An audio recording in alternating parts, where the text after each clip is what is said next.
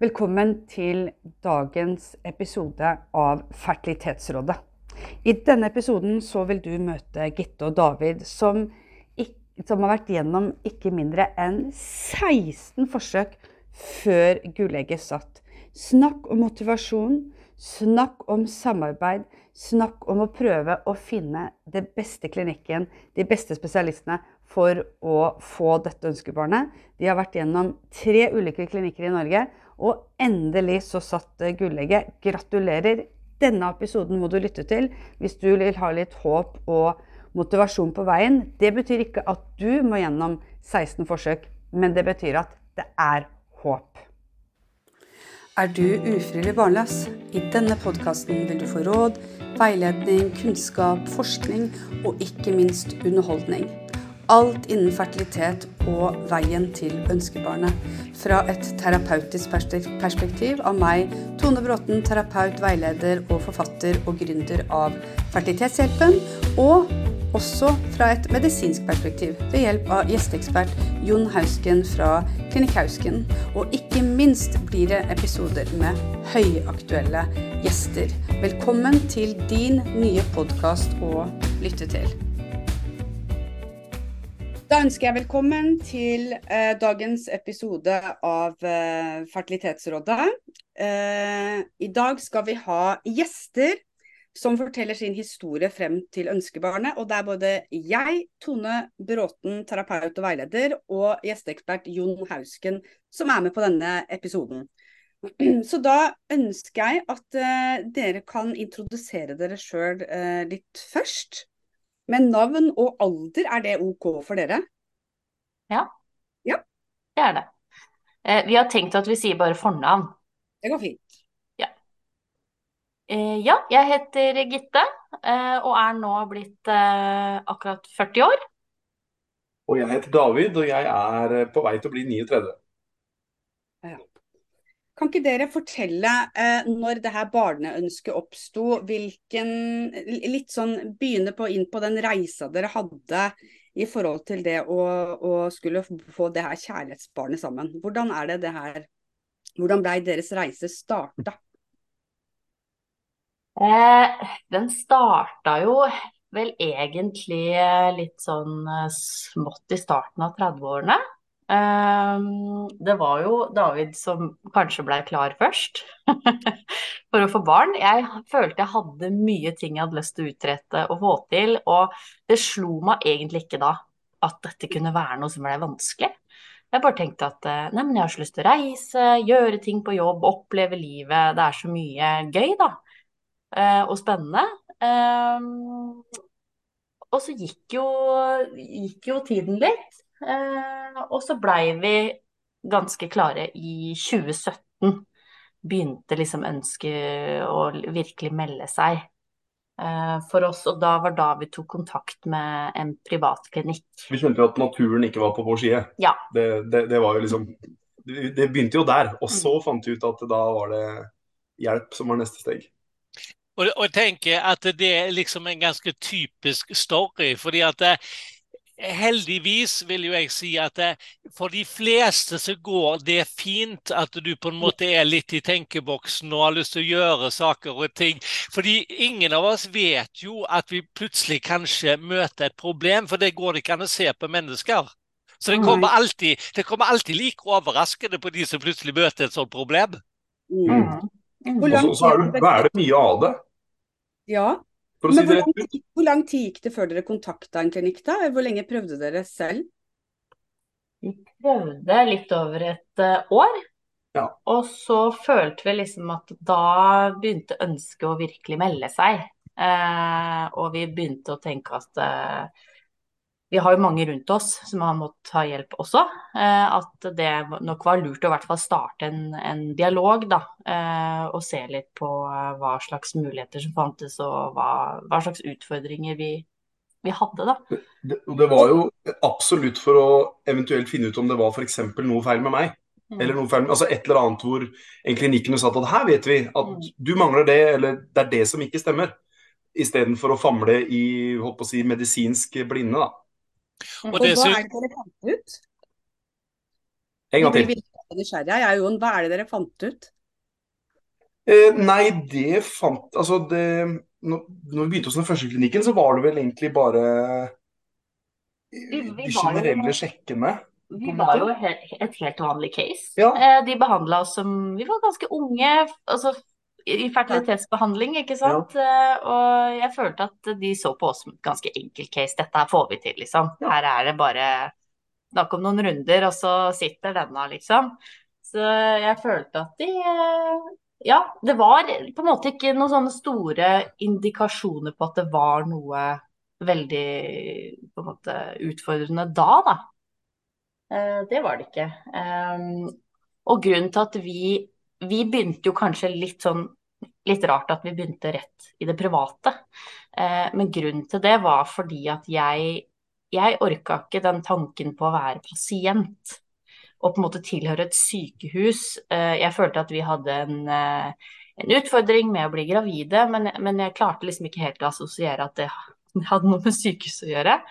Eh, så for min del så var det veldig fint å starte i det private. Eh, litt eh, ja, mindre forhold enn det det er på store sykehus, og litt mer eh, ja, connection, holdt jeg på å si. Eh, ja. Vi hadde jo også, i hvert fall jeg for min del, da, hadde jo hørt noen rykter om at i det offentlige så var det dette med behandlingstid.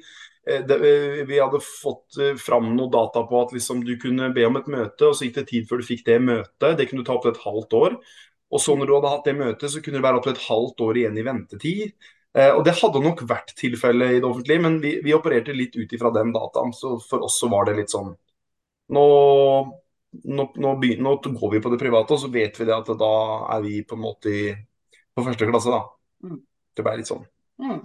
Og det er litt det vi hører også, uten å snakke noe offentlig ned, så er det jo det her å eh, ha en litt mer personlig kontakt til eh, de, de ansatte.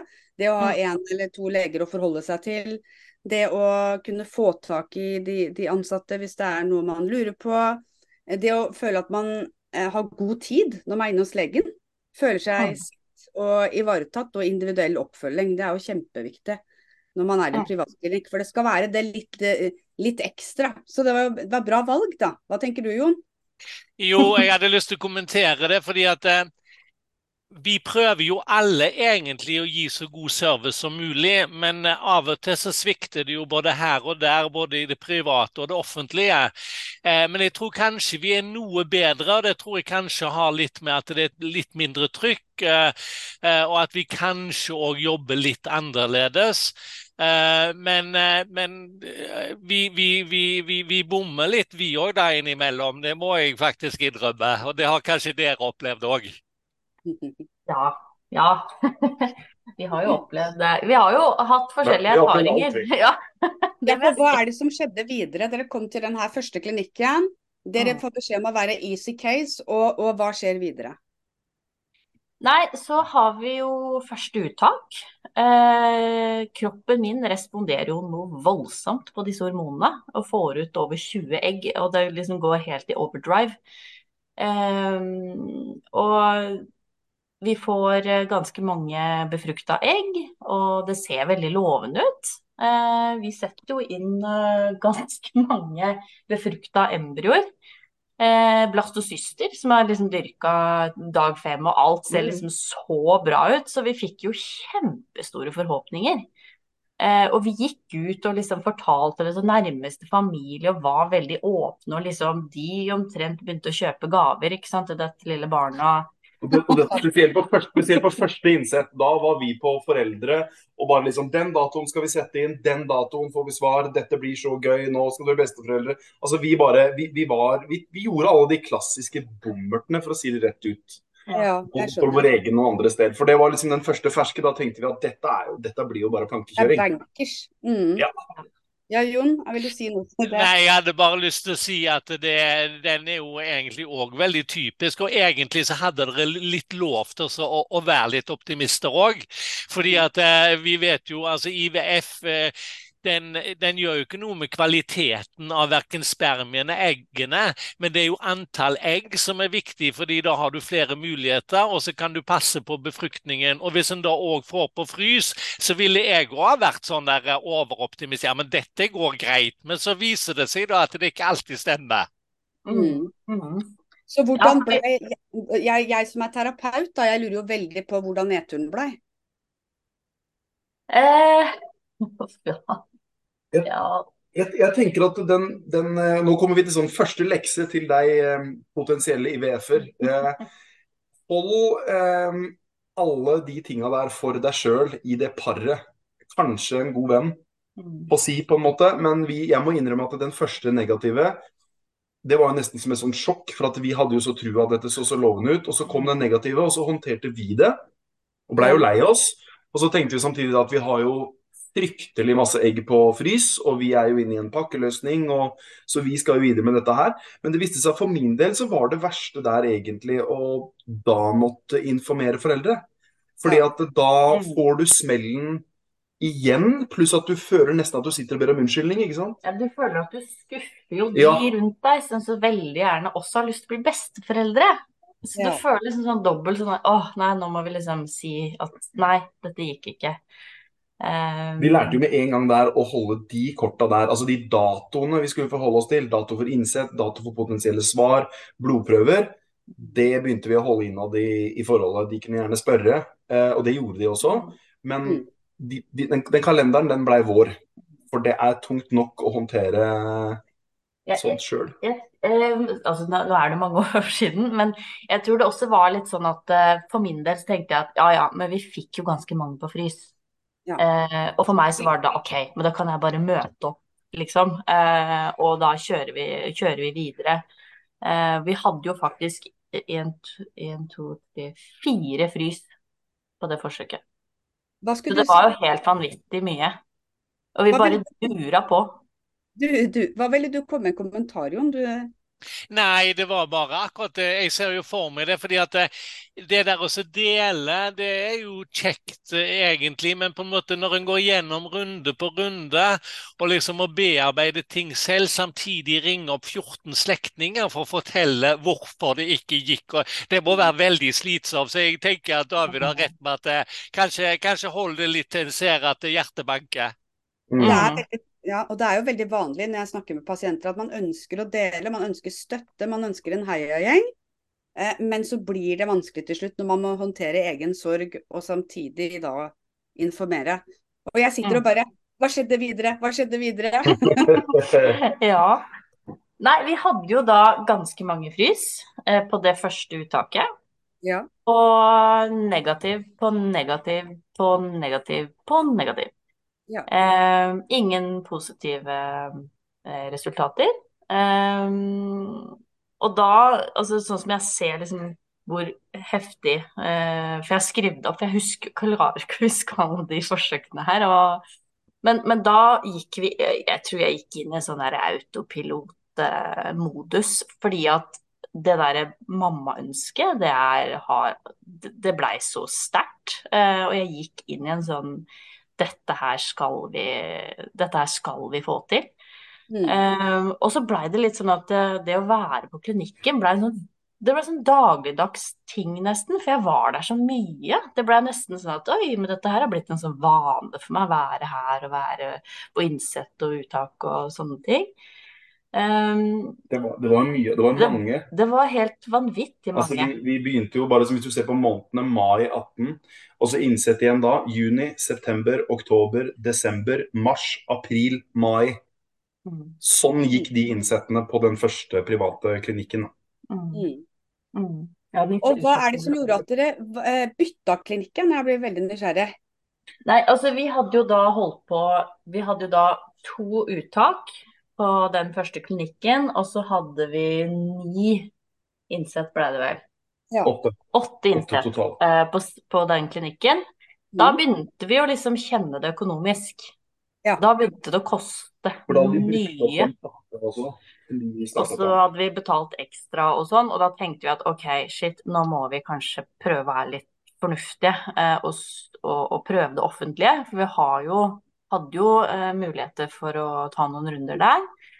Og da kontakta vi Riksen, og så eh, Eller fikk henvisning. Og da ble vi faktisk ganske overraska hvor fort det gikk. Mm. Vi var sånn Oi, men dette går jo ganske fort. Vi hadde en samtale i juni, og så var vi inne og starta behandlingen i august. Så det var jo veldig positivt. Det gikk veldig radig. Det Mm. gjorde det. Ehm, men det som jeg heller ikke likte så godt der, var jo at jeg ble satt på lang protokoll. Jeg var vant til kort protokoll. Eh, Jeg syns at det blei mye medisiner. Det blei nesespray, en nedregulering. eh, Ting som jeg da ikke var vant til da, fra det private, og som i hvert fall den klinikken mente at jeg ikke hadde behov for. Og da ble jeg litt sånn Dette liksom Følte jeg ble litt overmedisinering, da. Um, men nå er ikke jeg noen lege, men det var i hvert fall sånn jeg opplevde det. Mm. sa jo også på, på Riksen at eh, vi, vi ser ikke noen problemer ved dere. Dette er bare matematikk. Dette handler om å skyte på tavla nok ganger. Mm. Eh, så her, her, det vi skal gjøre her, er bare å gjøre det nok. Vi skal gjøre det igjen og igjen og igjen. For de, hadde jo, altså de har jo noen helt ville tall på antall innsett de har i året. Altså dette gjør de jo flere ganger om dagen, hver dag. Eh, nesten, nesten hver dag, nesten hele året. Så det vi fikk beskjed om var at dette handler bare om tall. Vi skal bare gjenta dette her nok ganger.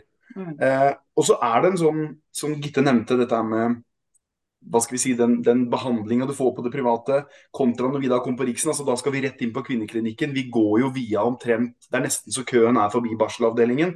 Så du snubler jo inn i det, det må vi få lov å si. Du snubler jo inn i ammende mødre og nybakte fedre og, og hele den pakka der for så å komme inn til dit hvor du skal være.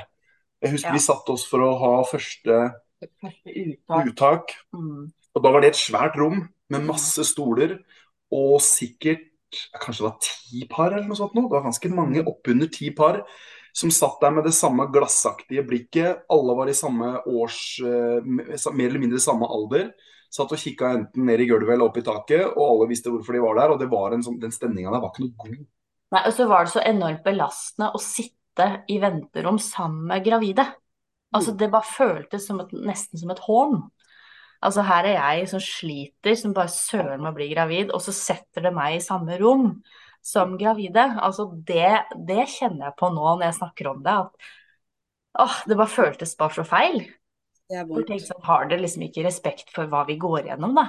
Det der er vondt. Åh, så det, det, det kjenner jeg på den dag i dag. Det var, uff, det var skikkelig tøft. Og så var det også sånn at jeg blei jo sittende også Jeg, jeg, jeg traff jo på en bekjent som var gravid eh, ved en setting, og jeg, og jeg var jo ikke i stand til å snakke med noen. Altså, jeg skulle jo inn og få IVF-behandling, ikke sant. Jeg, jeg, hva skal du snakke om, da?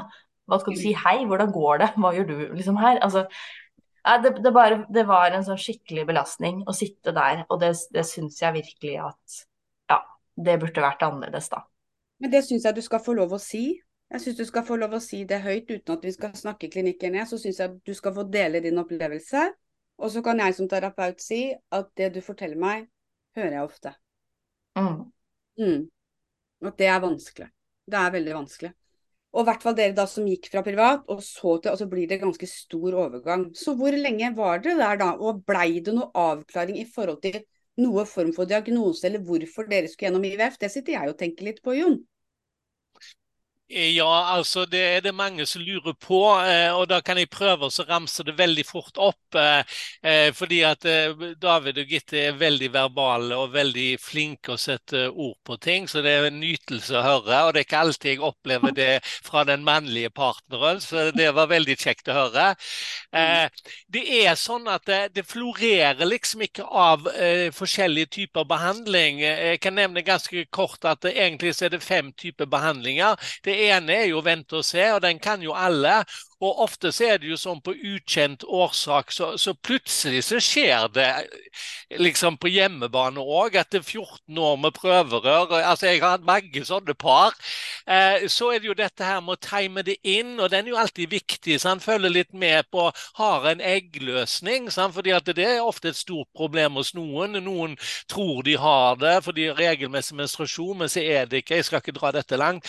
Den tredje er jo hormoner, men hormoner er for å skape flere egg. Eh, eller eggløsning hos de som ikke har. Og så har du inseminering, som er for en liten gruppe med ikke god sædkvalitet, men heller ikke dårlig. Liksom Den der akkurat lille gruppen liksom midt mellom der, de har hjelp av inseminering. Og så er det prøverør. Uh, så på en måte, vi ender veldig fort opp på prøverør. Uh, og det kan av og til virke litt sånn, for jeg, mange pasienter får litt sånn bakoversveis når jeg sier ja, men uh, jeg tror det er lurt med prøverør, fordi de er ikke der i mindsetet i det hele. Ja, men liksom, og, og er vi der allerede, liksom? Ja, for det hjelper kanskje ikke liksom med vitamin E å begynne med yoga, på en måte. Det er liksom ikke det det går i. det er morsomt at du sier yoga, jeg må bare si det. For her har vi en ivrig gravid-yoga-gjenger, men det skal ikke, det skal ikke undervurderes, i hvert fall på det mentale nivået. Og gjennom IVF-prosessen også, så, så, har jo jeg brukt mye yoga faktisk for å roe ned og, og slappe av, da. Og det er jo bra, men jeg tror, jeg, tror det, jeg tror, det, Jon skal fram til, det er å drive yoga for å bedre eggkvalitet. Det var det, ja, nei, nei. Det er mer for å takle For meg så var det for å takle det jeg sto i, eh, rett og slett. Eh, når det røyna på, så var det en veldig fin måte å roe hvor lenge, dere, hvor lenge måtte dere være på Rikshospitalet da, og, og, hvor mange forsøk tok dere der? Vi hadde ett uttak på, på Riksen, og så hadde vi vel to innsett. Ja. Vi hadde faktisk siste innsett, og det var veldig, veldig merkelig. Eh, vi hadde det 12. mars 2020. Når korona bare Ja. Mm. Så da stengte, husker jeg, stengte Riksen ned etter at jeg var og satt inn. Altså det var helt merkelig. Det var så rar stemning. Så det var derfor jeg husker det så godt. Mm. Ja. Eh, det var så helt bizarre eh, stemning på, på Riksen. Um, og det var siste gang, og da hadde jeg en litt sånn Litt ikke ubehagelig, det vil jeg ikke si, men men jeg var nok litt emosjonell. Jeg syntes dette begynte å bli vanskelig. Jeg begynte å miste troa. Det var første gang jeg liksom grein i liksom Jeg var ikke med på den innsetten, men det var ikke bra. Du hadde ikke lov pga. korona Det var ikke bra innsett. Det var virkelig ikke bra. Og da kjente jeg bare at her er jeg ferdig. Dette her kan jeg ikke mer. Da var det nok. Ja. Da var det nok. Og vi hadde ikke mer frys det hadde blitt en ny runde med, med, uttak, og jeg kjente bare nei. Jeg hadde ikke trua på det offentlige på det punktet der. Og så var den derre den, den eh, Hvordan skal jeg si det? Den, den, brukeropplevelsen, da, for å bruke litt kjedelige ord for oss, den blei så Den mista liksom litt eh, oppfølging fra å ha gått fra det private og så komme til det offentlige. Mm. Og så følte jo Vi følte jo at vi var ikke plutselig ikke noe enkel case. Her var det et eller annet som skapte trøbbel. Um, og det var jo faktisk sånn at via Riksen så fikk jeg henvisning til uh, sånn uh, Skal jeg se på Hystroskopi og laparoskopi. Så det fikk jeg utført da i uh, august, august 2021, da. 2020. 2020. Jeg kan også skyte inn det at i juni den sommeren der, når det da var covid-stopp og sånn, så vi hadde en igjen på frys på den private. Så vi var faktisk innom der. Ja, det var vi. Og tok den ene bare, bare for å liksom ta oppvaska på den klinikken. Så da gjorde vi det, og så kom det august, da hvor du var gjennom de. Da var jeg gjennom eh, kikkhullsundersøkelser for å se om det kunne være endometriose eh, som skapte trøbbel. Mm. Eh, der fant de litt endometriose, men de gjorde ikke noe med det. Eh, den satt eh, ved blæren, så de Ja, de, de gjorde ikke noe med det. Har du noen spørsmål til de eh, undersøkelsene, Jon? Du som eh, Nei, altså jeg eh, Nå har ikke jeg lyst til å bryte altfor mye inn, men eh, jeg tenkte dere nevnte det med lang protokoll, bare sånn at dere vet det. Så, så er ikke det en dårligere protokoll og gir eh, ikke noe dårlige resultater. Men jeg skjønner fort hva du mener med at du bruker mye medisiner, og det føles ut som det er mye lengre ventetid. Det er derfor det heter lagprotokoll. Eh, og lang protokoll bruker vi kanskje fordi hvis vi tenker det kan være endometrose, og derfor var det litt interessant når du hadde gjort laparoskopi, fordi at ved ukjent årsak, noe dere på en måte svevde litt i, så er det jo sånn at en finner endometrose i 50% av tilfellene. Og da er det sånn at endometrose vil da være i alle fall én av faktorene som er involvert i denne prosessen. Eh, og, og, men det kan jo være mange flere òg. Men eh, så, så det, det, var jo nyttig at du gjorde det. Mm. Ja, for det, da ble jeg litt sånn nå, nå, må vi ha noe svar. Altså Nå ja. orker jeg ikke holde på uten Altså Hvis det er masse endometriose eller et eller annet som skaper trouble, så må vi få gjort noe med det. Eh, for da kan vi ikke, vi kan ikke bare fortsette og fortsette å sette inn og sette inn og sette inn, og så blir det ikke noe resultat, da. Mm. Så, det, så, det, var jo fint å få gjort det, selv om jeg ble litt sånn Å ja. Så det var liksom ikke Det var ikke mm. noe sånn veldig sånn Oi, her, her, her, nå har vi funnet ut av det. ja, og, det og, man ønsker å finne et svar. Det er jo lettere på en måte å ha, en, ha et svar enn å ikke ha noe. og Det, det, det, det er større belastning, da. ikke sant? Mm. Og hva gjorde dere da, da? Da, da, til, da, var det høsten 20. Nå får du korrigere meg, men jeg mener at det var i løpet av høsten 20, det er i hvert fall før jul, at, mm. vi, eh, at Gitte fant ut at et vennepar av oss eh, hadde lyktes med Hausken. Og vi, jeg husker, vi, vi to diskuterte litt eh, Danmark. Skal vi ut og reise lengre? Hvordan skal vi gjøre liksom? Og, og jeg, jeg pusha litt på den at eh, hvis vi, vi, har muligheter, vi vet noen har lykkes, og dette er jo Da bodde vi i Sandvika. Så dette var liksom midt i nabolaget for å forenkle både logistikk og tidsbruk og hele pakka. Så, mm. så mener jeg vi hadde Jeg husker vi satt i bilen på utsida av jobben min den gangen i regnværet og hadde telefonmøte med vår personlige helt verdens beste mann, Jon Hausken. Som, som, vi hadde en prat med da. Og som yes, kom en liten, Det er bra han er med i dag, da. Det er bra vi fikk den med. yes. Så kom en liten sånn samtale med liksom, hvem er vi, og hvordan er statusen, og har dere gjort sånn og sånn og sånn. Og da husker jeg han nevnte at han akkurat hadde lyktes med ei dame som var i 40-draget. Mm. Eh, og så tror jeg vi allerede da snakka om at vi kom til å begynne med å ta noen tester. Det var to prøver som skulle til utlandet. Ja, Eller husker jeg feil nå? De ble vel ikke tatt De blei vel tatt underveis, tror jeg. Ja, for at I januar-februar 21 så er vi jo i gang med full pakke, så det må ha vært den høsten. Jeg tror du har vært innom inne der. Mm. Ja, men om det var før eller om det var mellom de to, det husker jeg egentlig ikke. Jeg tok den derre ER... Det, det, det, det, er detaljer som er litt å si. Ja, ja. ja, ja. Det var, det var sjekker for det. Jeg husker det var en prøve som skulle til München, og det var en som skulle til New York.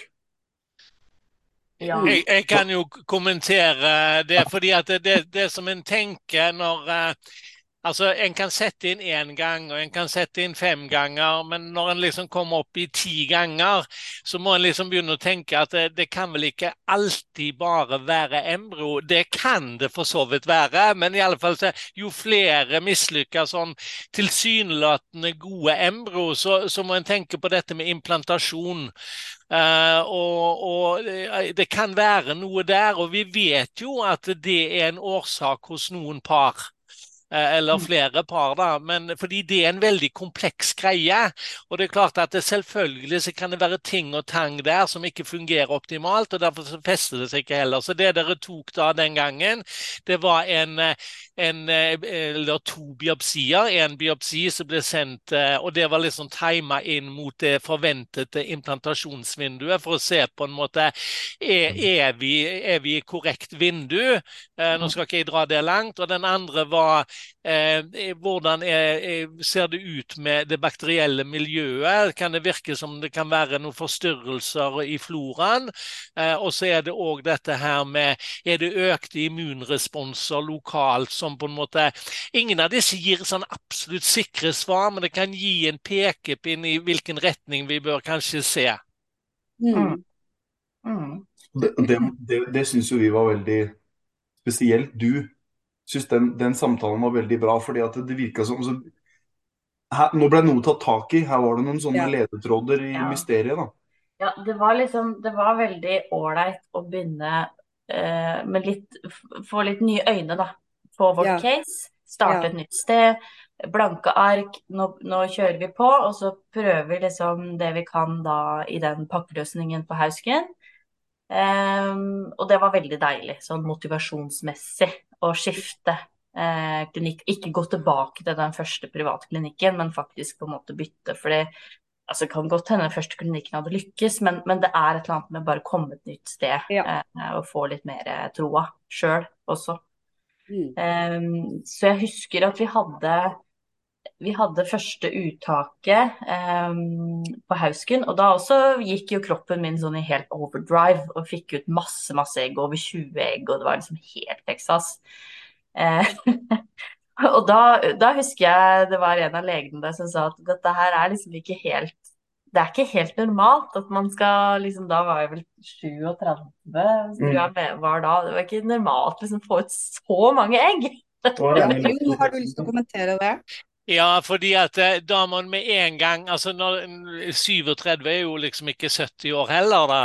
Eh, og vi er litt individuelt forskjellige. Men du må en gang, med en gang begynne å tenke er det noen modningsforstyrrelser i eggstokkene her. fordi at eh, du må aldri stirre deg blind på én årsak, endometriose og så ditt og datt. Du må alltid være åpne for andre ting, og da er det sånne ting. Så, så jeg ville med en gang, og jeg tenkte på det, for jeg husker ikke storyen deres, altså. bare så, eh, men når når du nevnte allerede første forsøket der med de 20 eggene, så tenkte jeg ok, her, her er det en eller annen moden altså, Hun er kanskje ikke helt PSOS, men hun er, hun er litt inne i den gruppen.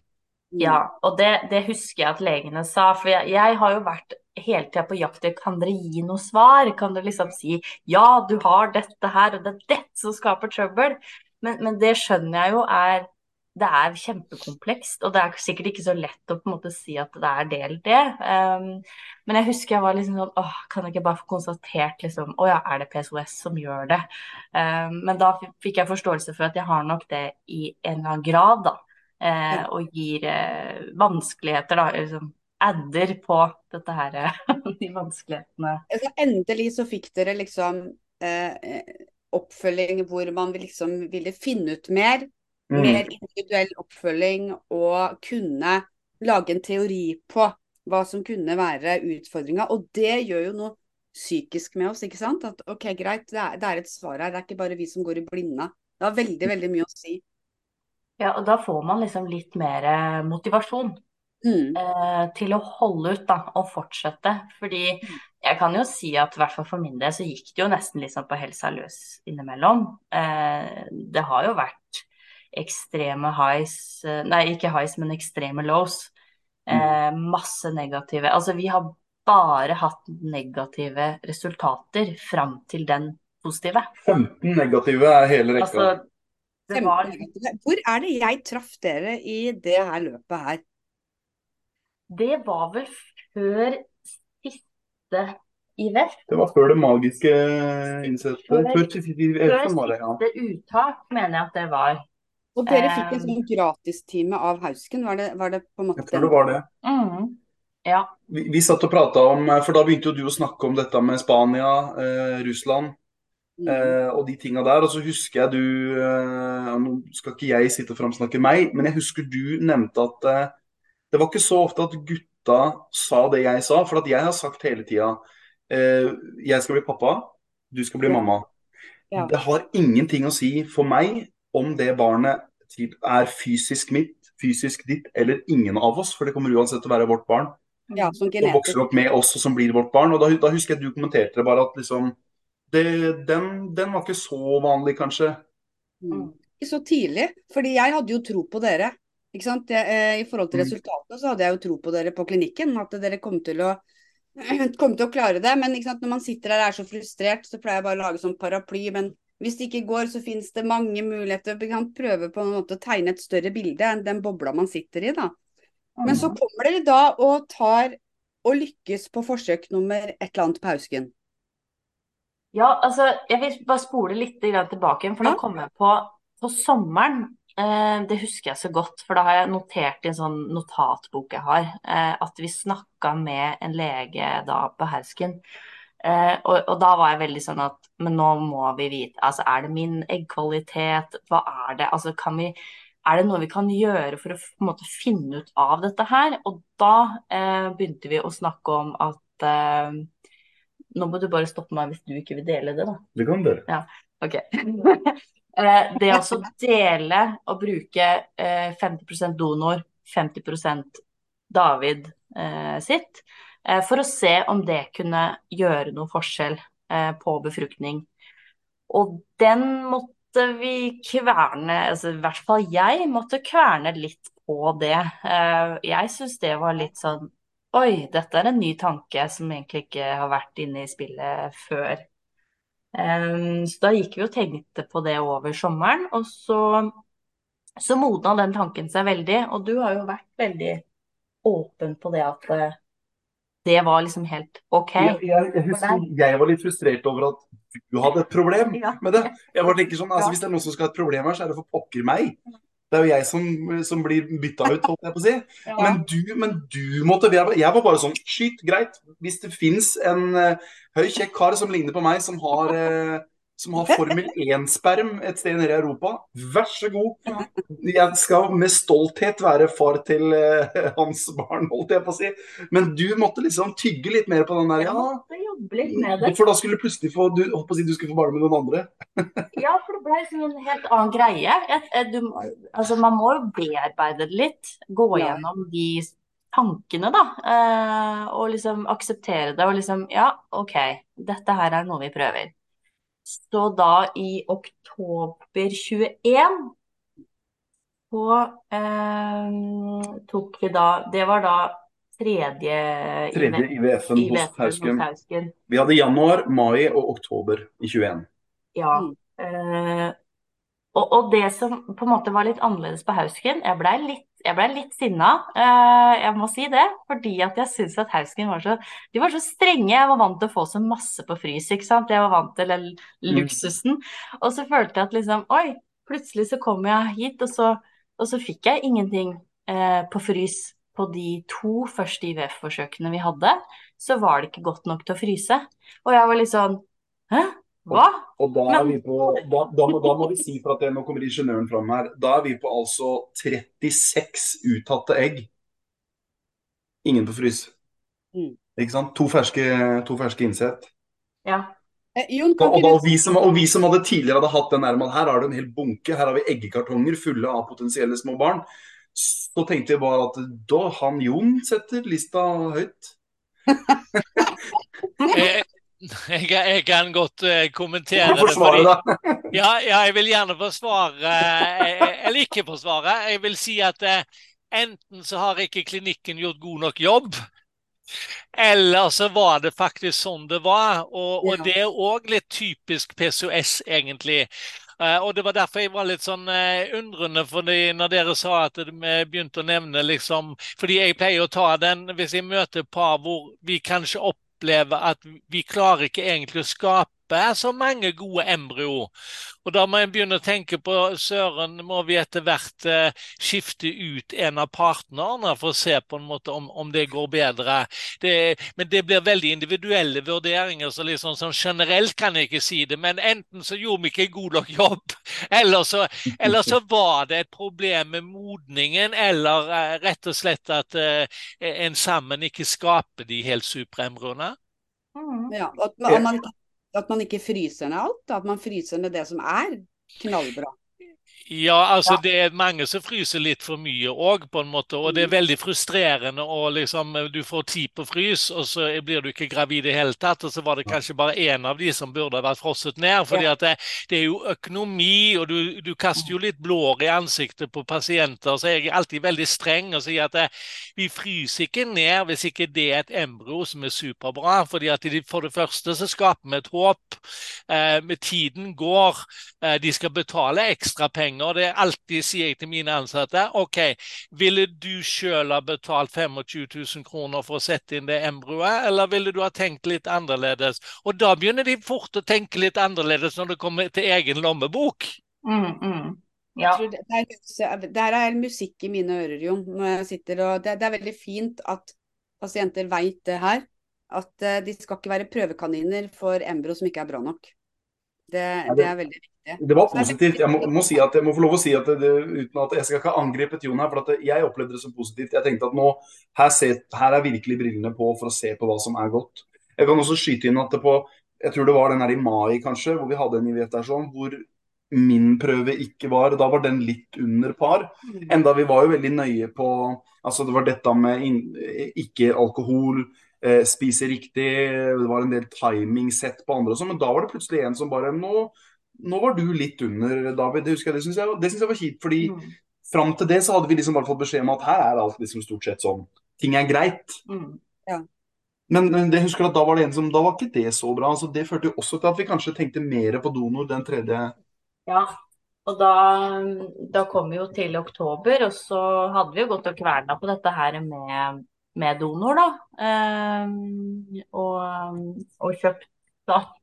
Ja, og sitter jo, sitter jo og velger ut, da. Eh, hvem er det som skal bli donor, liksom? Og, Ja, og det er jo, det er jo litt sånn Sånn er det jo ikke nå. Eller det, det, før kunne man skalere tre, men, men det, er ikke, det, det har blitt gjort om nå. Jon, har du lyst til å skyte inn der? ja, det er ikke lov, nei. nei. Nei, altså det som er det at eh, du vet at disse retningslinjene for donorbehandling går jo tilbake i mange, mange tiår egentlig, og da var det jo veldig hysj-hysj. Og da var det sånn at eh, donor skulle ligne på far. Eh, fordi at eh, hvis det kom et barn, så skulle ikke naboen lure på om, om dette var noe feil. Eh, Så det var veldig hysj-hysj, og da var det sånn at legen valgte en donor som tilsynelatende var så lik som far som mulig. da. Så, men så åpnet det seg litt opp eh, med at eh, parene kunne få lov å kikke litt selv. Eh, og jeg syns jo kanskje sånn personlig at det Jeg syns jo det nesten egentlig er litt greit, for det er, jo det, altså det er jo det vi gjør når vi er ute og ser etter partner selv, så det er jo ikke så unaturlig at en har lyst til å være med og se litt på det. Så da ble Helsedirektoratet ga åpning for at en kunne komme opp med tre valg. Og så valgte da klinikken én av de, sånn at liksom ikke dere kunne vite akkurat hvem, sånn at liksom eh, donor òg ble ivaretatt for sin anonymitet. Mm. Men Men nå, men, nå, men nå er det tilbake igjen til legen, legen velger. Eh, og det, ja, og det, altså det, den kunne vi diskutert mye på en måte. Hva, hva er rett og hva er galt her i samfunnet? Men, men det henger litt igjen fra de gamle retningslinjene som den da har eh, fornyet i den samme formen. Mm, mm. hvordan opplevde dere å skulle sitte og velge, da? Hvordan det var? Det var veldig rart. Det var som en Eh, nettbutikk. Det var som en nettbutikk. Det var veldig rart. Jeg husker du visste man noen Ja. sånne profiler. Ja, og så husker jeg spurte deg liksom, ja, vil du vite liksom, vil du være med å velge, eller skal jeg velge, eller hvordan skal vi gjøre det sammen, eller hvordan skal vi gjøre det? Men du var veldig sånn, nei, nei, velge, velge, du, du, du var liksom Du veldig sånn avslappa, ja, på det. Uh, så jeg valgte liksom en som, ja, han liker musikk, og jeg kunne jo ikke, jeg så ikke noe annet enn et barnebilde, men det var liksom, ja, han hadde mørkt hår, og var liksom litt sånn som David, som jeg tenker at Også, han er, Også på min høyde, da. Ja, også at han hadde den høyden. Det var litt viktig. Eh, og da, da silte vi jo ut ganske mange, for det, han er jo ja, han er ganske høy. Hvor høy er du, David? Eh, 1,93. Ja, da er du litt høy, ja. Da, Mm. da, mm, da ble ikke liksom utvalget så Jeg, spennende. jeg, jeg syns jo dette er veldig spennende, fordi at jeg prøver jo på en måte å sette meg litt inn i problem, eller ikke problem, men på en måte settingen, fordi at jeg skal jo råde andre par. Eh, Ja. Så eh, akkurat Davids eh, tilnærming er litt eh, uvanlig, egentlig. Ja, og, det, det, det, og var, det er jo det du husker jeg sa òg, David, fra terapitimen. jeg At jeg, at jeg sier til deg at det du sier og tenker kan være ikke Og det er ikke uvanlig på en negativ måte, overhodet ikke. Det å, det å ta det på den måten du gjør, og det å snakke om det på den måten du gjør, det forenkler det også veldig som partner, da. Jeg syns jo dere er veldig heldige og et fantastisk par som sitter og prater så åpent. Kjemien deres er god, og jeg ser at fundamentet deres er helt fantastisk. Eh, sånn at eh, det her er bare gull å vise lytterne. fordi det dere sier at ja, det var litt vanskelig for henne å skulle velge sæddonor, og veldig ofte så er det også motsatt, ikke sant? At kvinnen vil videre, mens mannen vil ikke. Hvem er denne donoren? Mens du sier at jeg kan godt være kan godt ha en donor med den og den fargen og den og den høyden. Så man, man kan kanskje Litt fra begge perspektiv tror jeg er viktig, da. Men det som er litt gøy, det er fordi at eh, dere, dere setter ord på det som òg er rett. Fordi at det, når da barnet endelig kom, og jeg håper at det kom et barn til slutt her da, eh, så, så, så, kan det være samme søren hva det er, på en måte. Fordi det barnet er jo verdens beste. Og det går òg litt på damer som er litt sånn tvilende på eggdonasjon. Jeg pleier alltid å si til dem vet du hva, det spiller ingen rolle, fordi at om det er en apekatt som kommer ut, så er det verdens skjønneste barn. Og sånt er det alltid. Så det er alle problemstillingene på forhånd en lager seg. For når barnet kommer, så er bare det verdens beste. Mm. Jeg, jeg, tenker at man må bare tillate seg til, til å føle de Altså ja. gå gjennom den prosessen. Fordi det blei liksom en helt ny dimensjon. At liksom OK, nå skal vi prøve å bytte ut Da kan det hende at dette her blir liksom eh, halvparten donor. Eh, sånn sett. Og, og jeg, jeg, måtte liksom bare gjennom en sånn mental prosess på det. Ja. Eh, for å på en måte akseptere Det glemte jeg å si i stad, men det måtte jeg også når vi skulle begynne med IVF. Så mm. måtte jeg også gå gjennom en prosess sånn Oi, da blei ikke livet sånn at vi kunne bare liksom ha det gøy, og så kom det et barn. Da mm. blei dette her et, et, kjempestort, krevende medisinsk prosjekt. Og det var jo ikke sånn jeg hadde sett for meg at det skulle bli. Og dyrt og alt. Eh, og det var jo ikke sånn. Og, og jeg, jeg ja, eh, tidlig 30-åra tenkte jeg bare sånn Nei, vi bare venter litt til og litt til og litt til. Og så, og så blei det helt annerledes. Og, og, det å akseptere også at vi måtte liksom Eller at det blei IVF, det også var en prosess. Eh, prosess vi måtte gjennom og måtte jobbe litt med, da. Og akseptere det. Nå, nå, må vi ikke holde oss på pinebenken lenger, for nå må jeg vite hvordan det forsøket gikk ja. med donor. ja, du må, du må, pine, ja. må pines litt til. Vi er, vi er, ikke helt i mål ennå. Altså jeg vil si til de her, for at Dette har hatt en liten agenda på. Disse her potensielle pappaene som sitter og hører her nå. Still deg sjøl det spørsmålet. En ting er, Har du lyst til å bli pappa? Ja, det har du. Er det et alternativ å ikke bli pappa? Mm. Fordi For meg så var det ikke det.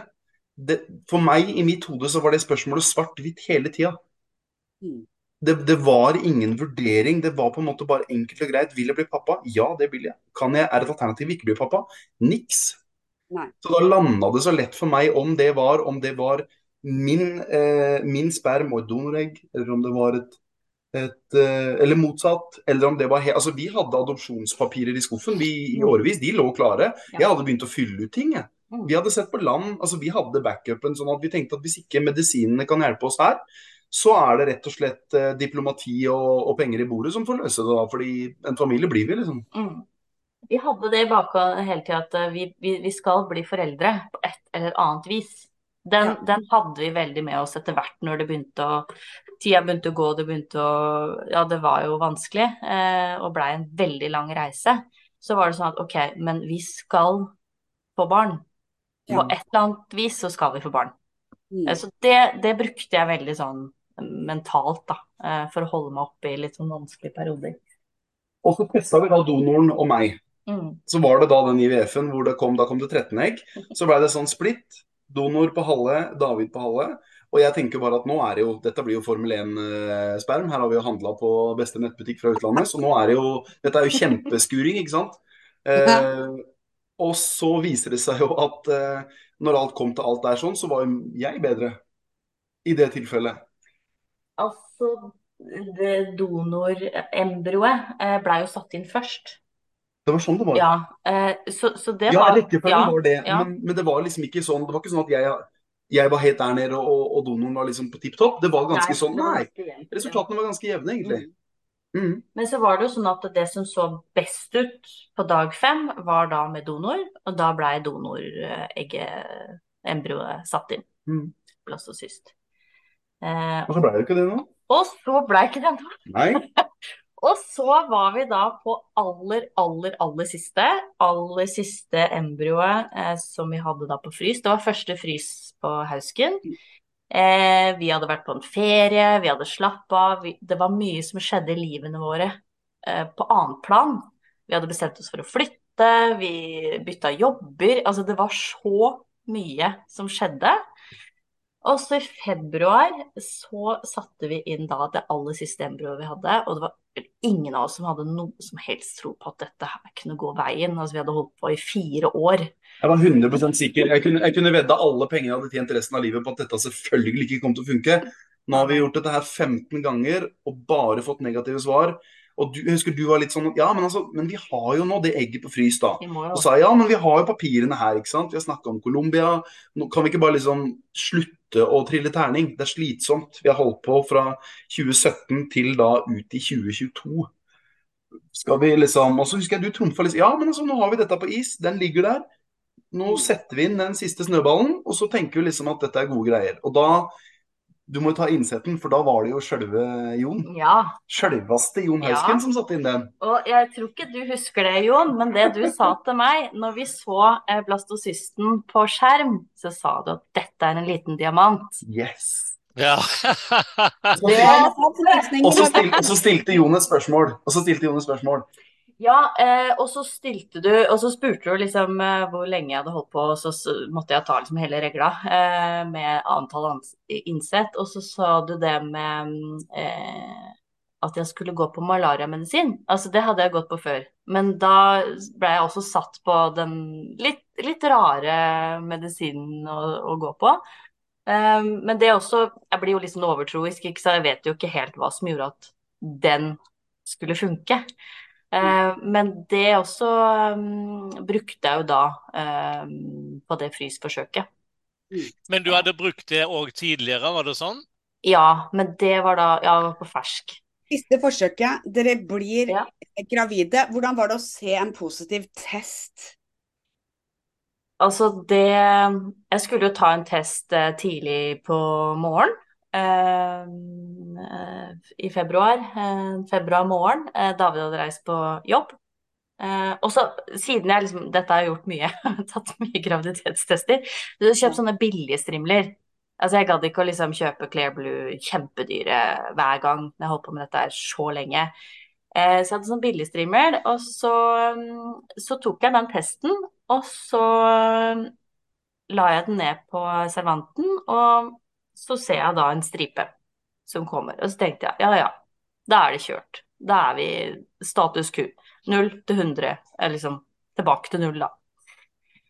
Men så ser jeg liksom når jeg går liksom litt nærmere, så ser jeg, men er det ikke en svak strek nummer to? Er det ikke en veldig svak strek? Og så ble jeg jo helt sånn Hæ? What? Og så måtte jeg ta en til. Og da kommer det også to streker, men den strek nummer to var ganske svak. Og jeg tenkte å herregud, jeg, jeg ble helt sånn jeg, jeg lo og grein, og jeg, jeg ble liksom helt satt ut, for jeg har aldri fått positiv test før. Uh, men så klarte jeg ikke helt å tro på det heller. Um, og så torde jeg ikke å ringe til David før jeg på en måte var sikker. Så jeg fikk liksom uh, satt meg i bilen, kjørt fra apoteket, kjøpe den dyreste Claire Blue med sånn derre gravid i tekst. Sånn digital For jeg bare, jeg tror ikke på disse her, det er sånne billigstrimler og uh, Og da poppa det opp i tekst 'gravid', to til tre uker. Og jeg bare ååå. altså det, men, men det var helt uvirkelig. Altså jeg, jeg klarte liksom ikke Jeg gikk nesten litt sånn ut av kroppen. Kan jeg, jeg, jeg blir bare nysgjerrig her. At det, det er kanskje jeg som er dum og ikke har fått det med meg. Men de embryoene du, det embryoet du satte inn da, var det fra David? Eller var det fra donor? Ja. Det er David. Det var David. David Det på er en ikke tvil om at han er pappa. David på ser en babyen. 90 hadde bidratt til det embryoet der. Det var godt å vite. Så det var eh, Nei, det var helt eh, Helt eh, vanvittig. Og så ringer du. Nei, først så sender jeg en melding til deg, fordi Ja. jeg klarer jo ikke å tenke ordentlig. Så jeg sender en melding med bilde av testen. Eh, og så tenkte jeg sånn etterpå Oi, det var jo litt teit måte. Han sitter jo i møte. Eh, jeg, altså, Og jeg kunne bare trodd du hadde fått covid, for folk sendte jo bilde av tester overalt med to streker. For å ha fått covid. Men jeg sitter i møte, og jeg ser ikke på telefonen. Den står på, den står på ikke forstyrr. Jeg sitter i møte med en del mennesker. Og jeg ser jo ikke noen meldinger. Det piper jo ikke. Ingenting skjer. Og så ringer telefonen, og jeg vet veldig godt hvilken dag det er. Så mange ganger har du ringt og sagt eller jeg har vært hjemme hvis det har vært en helg, f.eks.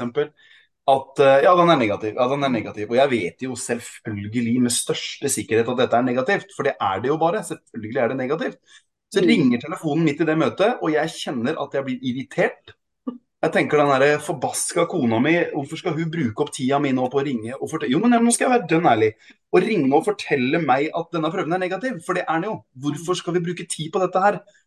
Så jeg tar telefonen og så sier jeg til kollegaen min ja, unnskyld meg et øyeblikk, jeg må svare på telefonen her. Og så sier du bare Har du sett meldinger? Jeg bare nei, jeg har ikke sett noen meldinger. Ja, men hvor er du? En sånn, ja, jeg er i møterom. Ja, gå inn på et annet sted. Så gikk jeg inn på et annet rom, og så sier du bare jeg er gravid. Mm. Ja. Og så snudde jeg meg bare rundt, og så låste jeg døra til kontoret. Så satte jeg meg ned på en kontorstol, og så er jeg sikker på at det gikk 20 sekunder før noen av oss sa noe. Ja. Det var, det var bare litt snufsing. Og så sa jeg hva er det du sier for noe nå? Ja, se på telefonen din! Og så tar jeg opp telefonen og ser på meldinger, og, og der er det to streker og bare er du, er du seriøs, liksom? Du er gravid? Mm. Men det kan du ikke. Du kan jo ikke være gravid, du driver jo ikke med det. jo, så var det jo det, da. Og da blei det jo Jeg ble jo sittende på det rommet, det møtet fikk jo bare få gå uten meg, for da begynte jo bare tårene å renne. og da, da, det, liksom, det var den første knekken, på en måte. Mm. Og så kom jeg jo hjem fra jobb, og så blei vi jo sittende på badegulvet i kjelleren og, og se på hverandre med disse testene lagt ut på løpende bånd på flisene. Og så lo vi litt, og så grein vi litt, og så Ja, for jeg tok, jeg tok vare på de ganske lenge fordi at jeg sleit med å tro på det. Så jeg Mm. måtte faktisk Jeg tok bilde av testen, og jeg måtte se på den på mobilen ganske ofte. Fordi at jeg klarte ikke eh, Jeg klarte ikke helt å forstå det. Eh, Jeg trodde på en måte at jeg hadde drømt det på en måte, eller Ja, så jeg måtte ha et fysisk bevis som jeg kunne se på ganske mye i starten, for det var så uvirkelig. Og Det var lenge, eh, rett og slett. Det var sterk, og det, det, jeg blir veldig rørt av at dere vil dele det. Um, og at dere kan få dele det med den mannen eh, som har funnet behandlings, eller lagd behandlingsplanen, satt inn det her eh, diamanten, og så får Jon lov å høre det. Det syns jeg er helt Det er veldig rørende også for meg. Å sitte og, og, og se på.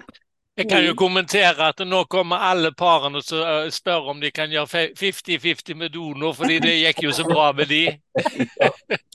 Skjerpa min sperm skjerpa seg med en gang og tenkte nå Nå må det jobbes. må det jobbes. Ja. Og hvor, gammel, om- hvor, hvor gammelt er dette barnet nå? Han er elleve måneder. Å, herregud. Er Mye så nydelig. Så ser vi da et bilde av dette barnet. Men du David, jeg syns han ligner litt på meg, jeg.